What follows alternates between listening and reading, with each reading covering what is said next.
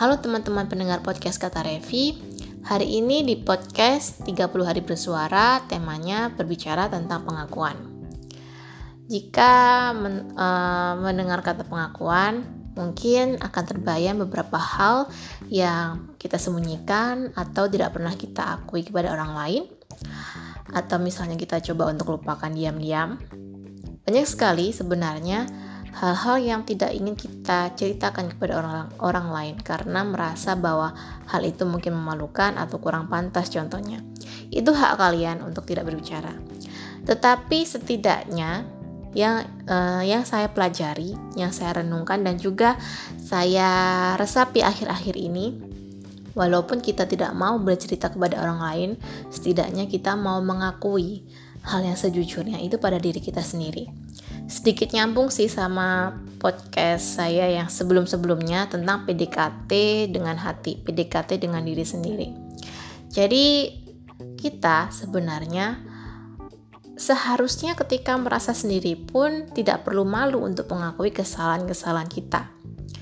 Pernah nggak sih misalnya kita mengalami hal yang nggak enak, entah itu dikhianati atau ditinggalkan sahabat atau orang kita sayang, kita melemparkan 100% kesalahan itu pada orang lain atau misalnya kita gagal mencapai sesuatu, kita menyalahkan keadaan. Kalau dipikir-pikir dulu saya juga uh, saya juga melakukan hal yang sama ketika saya gagal misalnya mencapai sesuatu saya akan bilang oh ya jelas.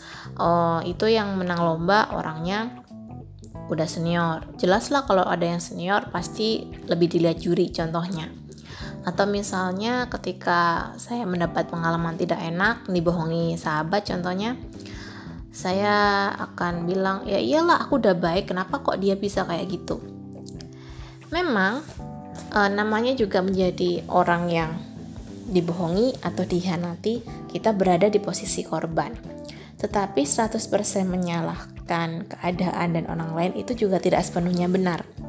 Contohnya begini, ketika kita berkenal dengan seseorang, kita juga sudah tahu bahwa manusia itu punya dua sisi, baik dan buruk. Kita juga sudah diingatkan berkali-kali, baik itu lewat pepatah, lewat buku, ataupun mungkin lagu-lagu yang pernah kita dengar, bahwa kita tidak boleh sepenuhnya menggantungkan harapan kepada orang lain, apalagi kepada manusia yang hatinya bisa berubah.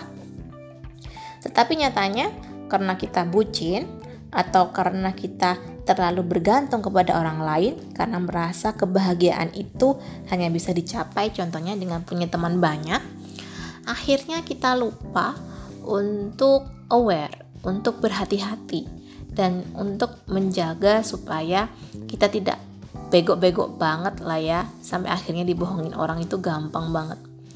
Mungkin satu kali dua kali karena masih amatir contohnya kita masih belum belum tahu ciri-ciri orang yang tidak bisa dipercaya itu seperti apa. Saya pernah mendengar dari salah satu atasan saya yang bilang seperti ini Sebenarnya kita manusia itu diberi seperangkat intuisi dan juga logika. Kita di, uh, selama kita tidak melakukan hal-hal yang maksiat atau hal-hal yang dibenci sama Tuhan, kita memiliki intuisi yang tajam kok. Contohnya, kok kayaknya orang ini nggak baik ya gelagatnya. Atau misalnya ketika kita akan melakukan sesuatu, ada feeling yang muncul. Misalnya feeling nggak enak atau yang lain ini bukan dari sebuah uh, negative thinking ya atau keraguan-raguan yang dibuat-buat tetapi ada semacam alarm dari diri kita yang sebenarnya sudah tersetting alami tetapi karena kita terpukau dengan hal-hal di luar diri kita dan juga terlalu bergantung pada hal yang di luar Tuhan, maksudnya kita terlalu bergantung sama manusia sampai lupa untuk bergantung sama Tuhan atau Allah misalnya jika teman-teman muslim maka ya jadinya itu tadi kecewa dong ya karena kita terlalu memberikan ekspektasi tinggi kepada hal atau orang yang kita beri kepercayaan. Jadi sebenarnya kita juga perlu mengakui bahwa kesialan yang kita alami, kegagalan yang kita alami itu juga ada bagian dari diri kita kok yang ikut andil.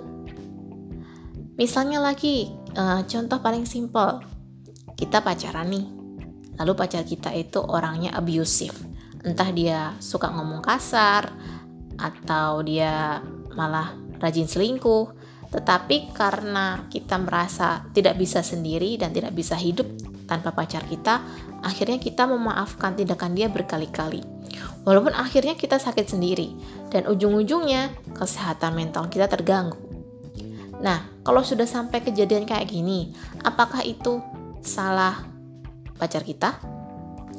Ya memang dia orang yang tidak bisa dipercaya dan menyebabkan uh, kejadian-kejadian uh, buruk terjadi sama diri kita. Tetapi kita sudah tahu orang itu jelek sifatnya, karakternya sudah jelek. Kenapa kita tidak mau untuk melepaskan diri dan mencari lingkungan baru yang lebih positif? Keputusan itu ada di tangan kita kok. Kita sudah tahu kenapa masih saja mau terus melakukan kesalahan tersebut. Jadi jangan sepenuhnya menyalahkan pasangan kita atau teman kita kita sudah tahu bahwa mereka tidak bisa kita jadikan panutan. Kenapa juga masih berharap mereka akan bisa berubah? Jangan menjadi orang yang uh, sok pahlawan ya. Ya, yang merasa aku akan bisa mengubah orang itu dengan kebaikanku. Gak akan bisa, percuma. Kalau si Anu atau orang itu tidak berusaha untuk sadar atau tidak uh, tidak ingin memperbaiki dirinya dari hati. Jadi, kita juga perlu mengakui bahwa sebenarnya kita juga memiliki memiliki peran untuk hal-hal buruk yang terjadi sama diri kita. Atau contoh lainnya, paling simpel misalnya kita gagal untuk mencapai nilai maksimal di ujian, baik itu sekolah maupun kampus. Misalnya nih, kita sudah berusaha maksimal, kita sudah totalitas dalam belajar, lalu hasilnya kita dapat itu tidak 100% sesuai dengan apa yang kita inginkan, ya wajar jika ada kekecewaan. Tetapi yang namanya hasil itu kan kita tidak bisa mengendalikan, itu kan sudah di luar kendali kita. Yang ada di kendali kita adalah belajar dengan tekun. Beda halnya kalau kalian juga belajarnya itu setengah-setengah, uh, lalu nggak serius, lebih banyak mainnya. Tapi ketika mendapatkan nilai yang pas-pasan, kalian marah. Kalian merasa bahwa si dosen atau gurunya itu ngajarnya nggak enak. Nah, ini kita harus dong mau menelaah lagi, mau mengakui bahwa kita itu punya peran untuk mengambil keputusan yang salah. Kita juga punya andil untuk uh, menciptakan kesialan yang terjadi sama diri kita. Ad, ada hal-hal yang bisa kita kendalikan seperti usaha, ikhtiar, atau misalnya untuk uh, memilih sesuatu. Tetapi jika misalnya hal itu sudah di luar kendali kita, seperti takdir, seperti kehidupan, kematian, ya semua ditentukan Tuhan, otomatis kita tidak bisa mengaturnya. Tapi ini loh, ada hal-hal yang sebenarnya bisa kita kontrol di sini. Kita juga tahu nih baik dan buruknya seperti apa. Terutama jika kita pernah mengalami kejadian buruk di pengalaman sebelumnya, otomatis kita sudah punya background, kita sudah punya filter untuk bisa lebih cerdas sebenarnya. Makanya ada pepatah, jangan seperti keledai yang jatuh ke lubang yang sama ya kan. Maka ketika kita sedang mengalami pengalaman-pengalaman yang tidak enak, coba kita diam, kita review lagi, kita akui. Sebenarnya ini kayaknya kejadiannya juga gara-gara aku sih, karena begini-begini, contohnya begitu. Semoga uh, teman-teman juga bisa mulai untuk merenungkan hal ini karena saya juga sering kok mengalami hal seperti ini. Saya menja seolah menjadikan diri saya korban lalu menyalahkan situasi orang lain, padahal sebenarnya saya sendiri yang malah punya peran penting untuk menciptakan hal buruk tersebut. Law of attraction.